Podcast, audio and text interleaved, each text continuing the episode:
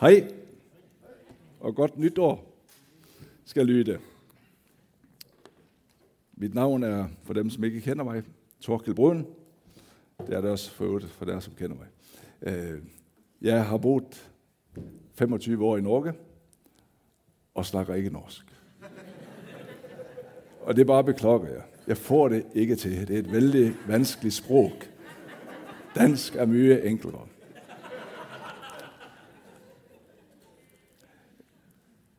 Gratulerer med jer, som er nye medlemmer i dag. Min familie og jeg har været medlemmer her, eller været godt her i over 10 år nu, og været en del af denne pragtfulde menighed, og vi trives utrolig godt i dette fællesskab.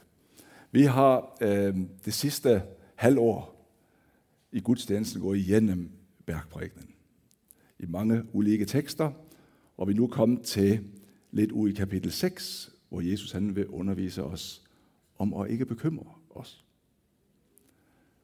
Da vi skulle fordele teksterne imellem os, så sagde jeg med en gang, jeg tager den om bekymring, for jeg er faktisk vældig god på bekymring.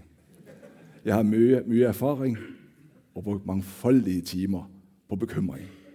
Så den tager jeg.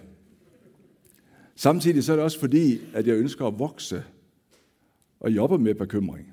Jeg ønsker at vokse i tilliden til min far, at han har omsorg for mig, når det virkelig smelter, når jeg mister kontrollen, så har han kontrollen. Når jeg ikke ved, hvordan skal det gå, så har han en løsning. Det ønsker jeg at vokse i. I teksten, vi skal dele i dag, der befinder vi os på vestsiden af Genesarets sø, øh, oppe i bjergene. Jesus har samlet sine discipler, og nogle andre, som kommer og hører på. Og han har gået igennem ulike ting, han vil sige. Han har talt lidt om at være jordens salt og verdens lys. Han har talt lidt om ægteskab, skilsmisse. Han har undervist om bøn. Han har undervist om øh, det er ikke at have skatte på jorden, men have skatte i himlen. Og nu vil han sige noget til os om bekymring. Et brandaktuelt tema dengang, og et brandaktuelt tema i dag. Da Jesus han levede her, der var der et paradoks. Han var 100% menneske og 100% Gud. Og det er et stort teologisk spørgsmål, hvordan lader sig det sig gøre. Men det er fakta. Og fordi Jesus var 100% menneske, så ved han, hvad som rører sig i mennesket. Han ved, hvordan det er at være menneske. Han ved, at vi bruger mye tid på bekymring. Han ved, at bekymring tager mye strøm af vores batterier, og han ved, at det tager mye af vores livsglæde. Og derfor så siger han i Matthæus 6, 25.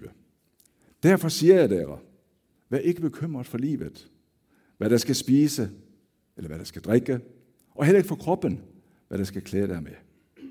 Er ikke livet mere end maten, og kroppen mere end klæderne? Hjemmesidsalderen på folk, der hørte på Jesus på den tid, var kanskje bare 40 år. Så det, at Jesus han døde som 33-årig, var kanskje ikke unormalt, bortset fra måten, han døde på. Mange de døde i en tidlig alder på grund af sygdom, eller fordi de var udslidte, ret og slet. Så mat og drikke og klæder var ikke en selvfølge. Og Jesus han bruger eksempler i denne teksten, som var aktuelle for de, som hørte på. Han nævner mat og drikke og klæder. Alt sammen fysiologiske behov.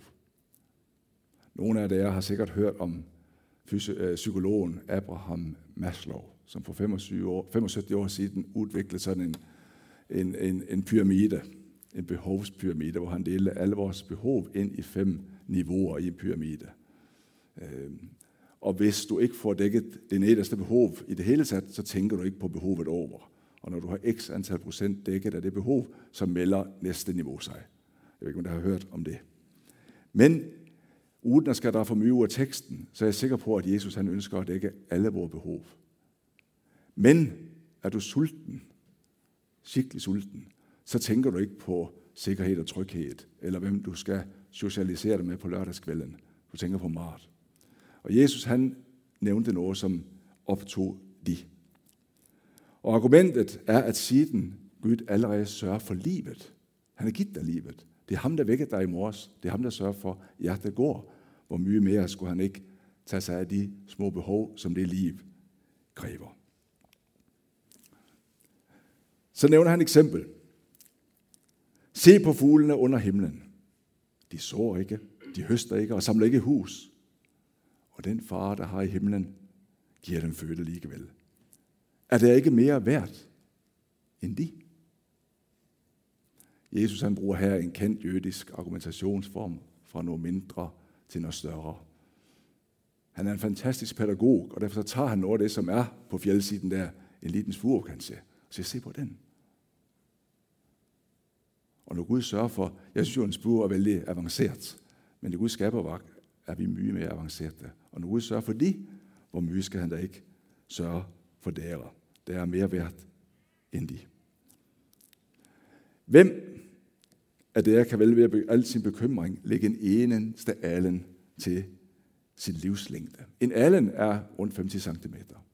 En armslængde. Nogle bibeloversættelser på engelsk bruger an hour, altså en time. Ind i samme om det er et minut, en time, hvad det er. Det, som Jesus han beskriver her, det er det, som mange selvhjælpsbøger skriver om, og stressmestringskurs, det er, bekymring er nyttesløs. Det forlænger ikke livet, snarere tvært imod. Bekymring foregår fremkalder mye negativt, markedsord og fravær af glæde. Og flere af jer har sikkert hørt en kar, som hedder Ingvar Wilhelmsen, som har startet en hypokonterklinik i Bergen. Han har nogle fantastiske foredrag, og vi kan lære mye af han. Men hvorfor har han en hypokonterklinik? Og det er fordi, at mange bliver syge af bekymring. Og vi bekymrer os, så forsøger vi at få kontrol over noget, som er ukontrollerbart. Det er som en gyngestol. Den giver dig noget at gøre, men den fører dig ingen steder. Og bekymring, den kan ikke ændre din forsid. Og den kan ikke kontrollere din fremtid. Det eneste, den kan gøre, det er, at den kan gøre din nutid til et mas. Og det eneste bekymring ændrer noget med, det er da. Den gør dig urolig og mismodige. Bekymring har egentlig aldrig løst et problem. Og for at illustrere det, der bruger han endnu et eksempel. Og hvorfor er det bekymret for klæderne, siger han. Se på liljerne på marken, hvordan de vokser. De stræber ikke, og de spænder ikke, men jeg siger der, selv ikke Salomon i al sin pragt var klædt som en af dem. Og en liten parentes, Salomo, det er en af de mægtigste konger i Israels historie. Han var søn af kong David. Kong David have for mye blod på sine hænder, så han fik ikke, fik ikke lov at bygge templet. Men Salomo han fik lov at bygge templet. Han byggede mange pragtfulde slotte. Han havde 700 hustruer, 300 medhustruer. Han havde alt. Men ikke Salomo i al sin pragt var klædt som en af de. Og når Gud der klæder græsset så fint, og så en lille til det som gror i dag og kastes i ovnen i morgen. Altså en liten ting, en lille perifær ting. Hvor mye mere skal han da ikke da klæde der, der lide troende. Og det tænkte sig at høre Jesus sige, det er lide troende. Men jeg tror ikke, Jesus han sagde det med fordømmelse. Han skulle bare så ønske, at de troede noget mere, for det ville være så godt for dem. Og så kommer der en stærk opfordring til ikke at bekymre sig. Så gør der ikke bekymringer og ikke sig, hvad skal vi spise, eller hvad skal vi drikke, eller hvad skal vi klæde os med. Alt det der er hedningerne optaget af. Og hedningerne ikke jøder, eller der ikke troende. Men den far, der har i himlen, ved jo, der trænger alt det der. Tænk sig denne sætning. Den far, der har, der har i himlen, ved, hvad vi trænger, også før vi beder. Så søg først Guds rige og hans retfærdighed, og der skal få alt det andre i tillæg. Jesus har før disse vers her snakket lidt om Gud og mammon, og vi ikke skal tjene to herrer. Og her kommer han tilbage. Søg først Guds rige, og så skal der få alt det andet i tillæg. Og så længe der er noget i mit liv, jeg elsker mere end Gud, kan det være en kilde til bekymring. Så gør der ingen bekymringer for morgendagen eller fremtiden. Morgendagen skal bekymre sig for sig selv. Hver dag har nok i sin plage. Og det er teksten. Hver dag har nok i sin plage. Det trænger jeg at minde mig selv om. Og derfor så har vi ja, faktisk på doen hjemme et lille skilt, hvor der står Don't borrow more sorrow from tomorrow. Fantastisk ordtak. Det lyder ikke så godt på norsk, men ikke lån bekymringer fra morgendagen. Men don't borrow sorrow from tomorrow. Det hænger. Så hver gang jeg går på do, så kan jeg se for det. Ikke sandt? Vi trænger at blive mindet om det. Hvad er det egentlig, Jesus han ønsker at lære os i denne teksten? Jeg tror, det handler om, som I sikkert har fået med jer, ikke at bekymre sig, ikke at frygte. Teksten handler ikke om det ikke at planlægge, eller tage ansvar, handle ind, vise omsorg, være ligegyldig, jobbe. Kanskje nogen siger, jeg får det uanset, min himmelske far, jeg gider ikke jobbe. Det handler ikke om at have sådan en samme det holdning. Nej. Så hvis du skal på højfjellet i morgen og bekymre dig om, du er varm nok klædt og går ud og køber en genser i dag, det er ikke det, vi snakker om her. Det er at planlægge. Overskriften på det, vi har læst, det er ingen hemmelighed, vær ikke bekymret. Og argumentet det er, når Gud han sørger for fugle og planter, som han har skabt, hvor mye mere vil han da ikke sørge for os mennesker, som i modsætning til alt andet i skaberværket er skabt i Guds billede. Det er mere værd end de. Og budskabet er, vi skal ikke bekymre os. Man får ikke endda ekstra ved at bekymre sig. Gud kender disciplenes behov. Disciplen skal hverken være lite troende eller være som hætninger. De skal vise deres himmelske far tillid, ubetinget tillid, altid. Lidt tidligere i kapitel 6, der har Jesus undervist os om bøn, og det er faktisk der, vi har for dig hvor. Og der står også, giv os i dag vores daglige brød. Og der har vi jo, giv os i dag vores daglige brød, og ikke være bekymret for brød. Og der er en fantastisk sætning her. Bekymring er en samtale, du har med dig selv om ting, du ikke kan ændre. Bøn er en samtale, du har med Gud om ting, han kan ændre. Den må du godt huske, for den er faktisk vældig god, og jeg har ikke selv fundet på den. Øh, men det er forskellen. Det er forskellen. Vi skal prøve at sætte op en bekymringsmåler her. Her er sat en bekymringsmåler, og jeg spørger mig selv, hvor ligger jeg? Jeg kan spørge der, hvor ligger dere? Vi kan ligge uh, lidt midt på, og vi kan ligge helt i top her, og vi kan gå lidt tilbage her.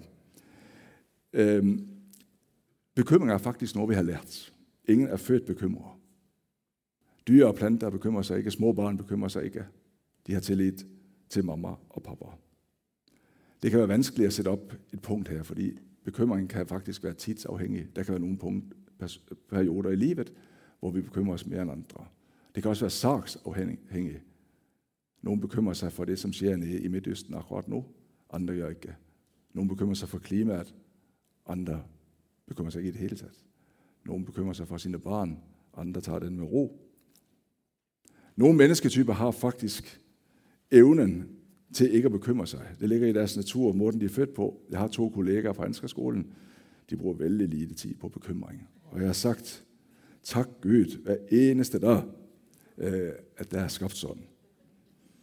Og en kollega, jeg prater med, han siger, kan det har noget med fantasi at gøre. De, som har mye fantasi, de bekymrer sig mere, for de kan fantasere alverdens problemer frem. Og jeg tror, at det kan være rigtigt. Jeg har sat op lidt her Altså jeg ønsker for, ja, lad mig sige det, vi kan sætte op punkter her, tillid og tvil, tro og vantro, glæde og bekymring. Og jeg må sige, jeg ønsker virkelig at vandre lidt mere, blive lidt mere venstreorienteret. Det kan jeg fejl at sige. Blive lidt mere grøn. Blive lidt mere grøn, det her mere i dag. Blive lidt mere grøn. Øh, at tvilen erstattes med tro, eller tillid, vantro med tro, og bekymring med glæde. Jeg så nylig på kirkens hjemmeside, for, bare for to uger siden, at titlen på min prædiken i dag er Be happy. Don't worry, be happy. Jeg tænkte, wow, det er ikke helt for med mig, det beklager jeg. Og jeg må også indrømme, at det er at drage teksten for langt, for det står ikke i teksten. Men jeg synes, det står i hele Bibelen, at Gud ønsker, at vi skal være glade. Vi skal ikke bekymre os. Paulus han knytter faktisk disse to glæde og bekymring sammen i Filipperbrevet kapitel 4, hvor der står, glæd dig altid i Herren. Jeg siger igen, glæd dig. Lad alle mennesker mærke, at der har et mildt sind. Vær ikke bekymret for noget, Men lad i alle ting deres ønsker komme frem for Gud i bøn og tak. Og på dansk, så skal Guds fred, som overgår al forstand, bevare deres hjerte og deres tanker, der kører klokken 3 om natten, i Kristus Jesus. Ikke sandt? Her har vi en kontrast. Jeg lige på engelsk, der står der, don't worry about anything, but in everything. Lad din ønske komme frem. Anything, everything. Paulus knytter det sammen. Også når vi læser om åndens frugter. Hvis der læser om åndens frugter i Galaterbrevet, der, det er frugter, som vokser frem naturligt, når vi har samfund med Herren og, og lever sammen med Han. Der står glæde og fred højt på listen. Jeg må indrømme, at jeg kan være et sted i dag, og et andet sted i morgen. Angsten imod mit kan være en god indikator på, hvor mye jeg virkelig stoler på Herren. Men Bibelen, og det er vigtigt at få med sig, nu må du høre godt efter, Bibelen fordømmer os ikke, fordi vi bekymrer os. Bibelen er fyldt med folk, som er grøn en dag og lidt mere mod rød den næste dag. Og det er ikke fordømmelse. Jeg tror bare, at Gud han ønsker, at vi skal have det greit. Et herligt eksempel på en, som var skikkelig grøn en dag og knaldrød næste dag. Det er en af mine helter fra Gamle Testamente. Og det er Elia. Der står i Jakobs brev, at øh, Elia var, var et menneske under samme kår som vi. Han bad en bøn om, at det ikke måtte regne. Så regnede det ikke i tre et halvt år. Og så bad han en bøn om, at det måtte regne. Og så regnede det igen. Og situationen kan jeg ikke gå i detaljer på i dag, men jeg vil opfordre dig til at læse 1. kongebog 18 og 19. Og her har vi en situation, hvor Elias, som er en af de største profeter i Gamle Testamente, han står over for Israels folk. Det har ikke regnet i tre et halvt år. Han mødes med kong Ahab og, øh, og siger, skal vi ikke tage en, en test? For Israel, de offer til afguderne. De havde 450 Baals profeter og en hel øh, masse andre profeter. Og så siger den her modige Elia, vi tager en test. Hvis Baal, han er Gud, så bøjer vi os for ham. Men hvis Herren er Gud, så bøjer vi os for ham. Vi tager en test. Nu laver vi to aldre, og så ser vi, hvem som skaffer ild. Og det er fantastisk at læse alle disse profeter, der danser rundt, og han håner de Elia. Han er helt langt, langt op i det grønne feltet. Langt over. Han er så modig på, at Herren vil gribe ind. Og han ærter de. Og når de ikke får det til, så siger jeg, okay, så tester vi. Og så beder han til Gud, og er så sikker på, at Gud sender ild. Og han sender ild. Og det bliver et mægtigt vidnesbyrd om, at Herren er Gud. Og alle disse 450 boldprofeter, de bliver dræbt der der. Og kong Ahab, han går hjem og siger det til hans kone, dronning Jezebel. Hun var en tøffing. Og hun blev sindt over alle disse profeter, de var dræbt. Og så siger hun bare med ord, jeg skal sørge for, Elia bliver dræbt ved samme tid i morgen. Og med en gang, denne store profeten, som var helt grøn, han bliver rød på nogle få sekunder. Og han flygter helt op fra Karmelfjellet op i nord i Israel. Og så er jeg inde og se på Google Maps. Det er faktisk næsten 200 km ned i Judæa, ned til Beersheba. Og der siger han til tjenesteguden sin, vent her, jeg stikker ud i ørkenen. Og der stikker han ud, og så siger han til Gud, jeg orker ikke det her. Jeg ønsker at dø. Helt i det røde felt. Kommer Gud med fordømmelse? Nej. Han sender faktisk en engel, der giver ham et måltid. Og siger, styrk dig lidt. Og lidt senere, der viser Herren sig fra, for ham som en stille sagte susen. Så når Gud han siger, at vi ikke skal bekymre os, så er det ikke for hans skyld, for han har det gret. Du kan ikke gøre noget til, at han skal elske dig mere, elske dig mindre. Du er retfærdig, hvis du har taget imod hans frelse. Når han siger det, så er det for, at vi skal have det greit. Et bedre liv. Vi skriver 2020. Vi er gået ind i et nyt år, et nyt årti. Og det er tid for nytårsløfter øh, og alt muligt andet godt. Øh, jeg ønsker faktisk, at det sidste 10 år, det jeg har lært der, skal ændre noget af det, jeg skal hjem i livet. Det næste 10 år. Og det, jeg har lært, vil jeg gerne bruge. Jeg har levet 6-10 år nu. Og uden at gå i detaljer her, så har det sidste 10 år været det tørfeste i mit liv ever. Det har været et prøvelsens 10 år. Det har været 10 år med mange bekymringer. Men samtidig har Gud vist mig mye, mye mere af sit fars hjerte. At jeg kan stole på ham, når det smelter. Da jeg var 17 år, der var jeg udsat for noget vældig dramatisk. Jeg mistede min far i en ulykke, traumatisk ulykke. Min mor, hun blev enke som 41-åring med fem barn. Jeg var ældst, yngste mand var 17. Og der tog jeg på mig et enormt ansvar, som har fulgt mig mange år efter. Et helt specielt udviklet ansvarsgen. En ansvarsmagnet, der føler, at jeg har ansvar for alt, hvad der foregår. Ting, som andre skulle tage ansvar for, ting, som Gud skulle tage ansvar for, det har jeg følt var mit ansvar. Og jeg kan egentlig bare stole på mig selv. Vil han stille op, når det virkelig smelter? Og denne ansvarsfølelsen har Gud brugt nogle år på at omprogrammere. Og det har været en proces, specielt de sidste 10 årene. Da Yngve Koldsvejt, han øh, for nogle år siden, vores tidligere pastor, han holdt en udmærket prædiken om noget af det samme bekymring, hvor han skitserer forskellige ting, som kan urolige os. Så hvis det smelter, og her var det familie, der står i den boksen, der er væk, så kan vi altid falde ned på et fundament, Jesus. Det var en fantastisk prædiken, som vi diskuterede, da vi kom hjem. Men jeg må bare indrømme, at det fundamentet kender jeg vældig lite til. Så når der i Gamle Testamentet står, at Herren er min borg, mit berg, min befrier, min klippe, min tilflugt, mit skjold, min frelse, mit styrke, mit værn, så er det noget, jeg kender vældig det til. Men de sidste 10 år har Gud vist mig mere. Og jeg blev lidt mere grøn. Jeg har bevæget mig lidt mere i den retningen. Men, hvordan jeg reagerer i morgen, hvis jeg får en dårlig nyhed, det ved jeg ikke. Men det hører morgendagen til. Den skal jeg ikke bekymre mig om. Denne bogen her har mere end 7.000 løfter til dig og mig. Om din helse, dine relationer, din karriere, din fortid, din fremtid, din nutid. Om tilgivelse for synd, om evig liv. Men hvis jeg ikke kender disse løfterne, så kan det være vanskeligt at proklamere dem. Jeg betragter mig selv som en troende. Hvad betyder det? Jo, jeg tror på noget. Og jeg tror faktisk på det her. Og jeg tror på alt, hvad der står. For mig er det ulogisk at tro på 60 procent af det. Jeg tror, at det er rigtigt, og jeg ønsker at stole på de ting, der står. Og nu skal jeg bare læse nogle få vers fra denne fantastiske bogen.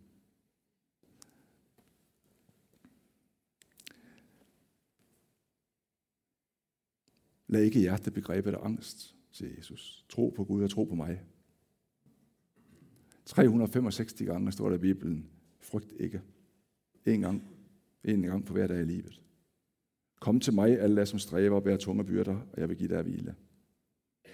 Gud har sagt, jeg svigter dig ikke og forlader dig ikke. Jesus Kristus er i går, i dag er jeg til evig tid den samme. Også i det årti, vi netop er gået ind i. I Hebræerbrevet, der står der, at Jesus går i forbøn for os. I Rombrevet står der, at den hellige ånd går i øh, forbøn for os. Vi er omgivet af en himmelsk herskare, som er usynlig, og som nogle få har fået lov at se ind i.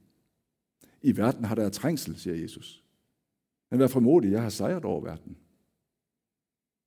Skal indvandre i dødsskyggens dal. Jeg frygter dig ondt, for du er med mig i din kæp, og din stav er min trøst. Du er min Gud. Mine tider er i din hånd. Timing. Guds timing er ikke altid vores timing. Hebræerbrevet siger om at finde noget, som giver hjælp i rette tid. Jeg har en påstand. Gud hjælper altid.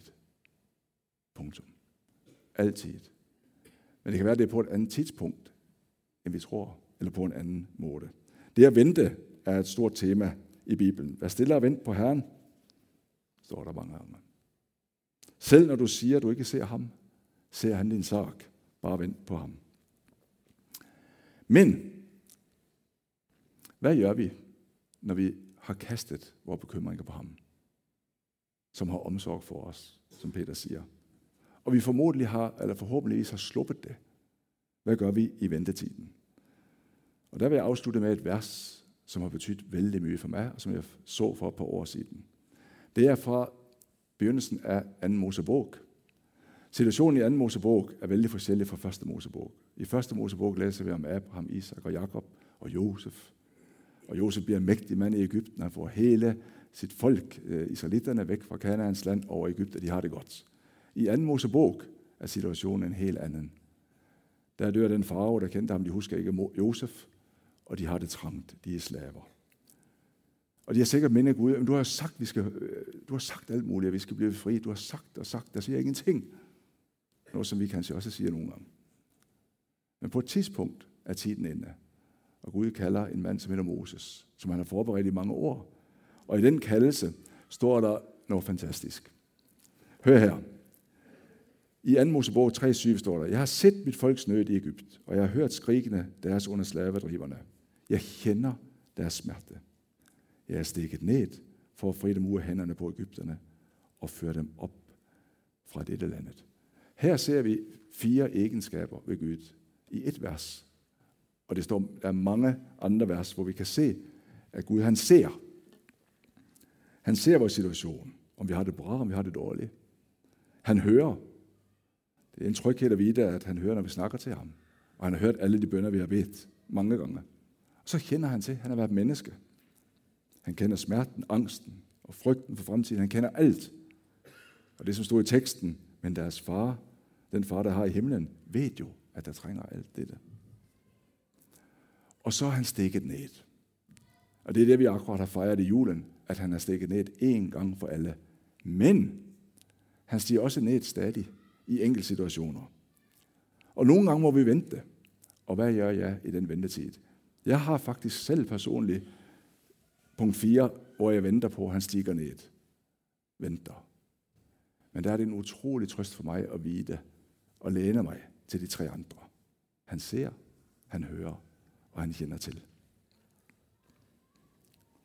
Og overvinde bekymring handler om en relation, tror jeg. Ikke en teknik, selvom faktisk mange teknikker kan være gode til at få tankerne lidt på flugt. Men jeg tror, det, det største og det mest effektive, det er en relation til Gud. Tro og tillid til ham, og der står, at troen kommer af budskabet, en hører, og budskabet kommer af Kristi ord. Tilbring tid sammen med ham. Lad dig fylde af ånden. Ikke som en engangsforestilling, men som en proces. Kast dine bekymringer på ham. Bed ham tage de. Og bed ham åbenbare for dig, at han har kontrollen. Min himmelske far, han besluttede at vække mig i morges. Jeg lever. Tak og lov.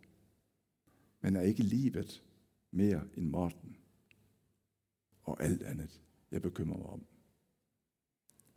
Himmelske far, tak, at du ønsker at hjælpe os med at bære vores byrder, og du ønsker at tage vores bekymringer. Tak, at du ser. Tak, at du hører. Tak, at du kender til det at være menneske. Og tak, at du en gang for alle er stikket ned til os på jorden med frelse. Og tak, at du stadig stiger ned igen og igen.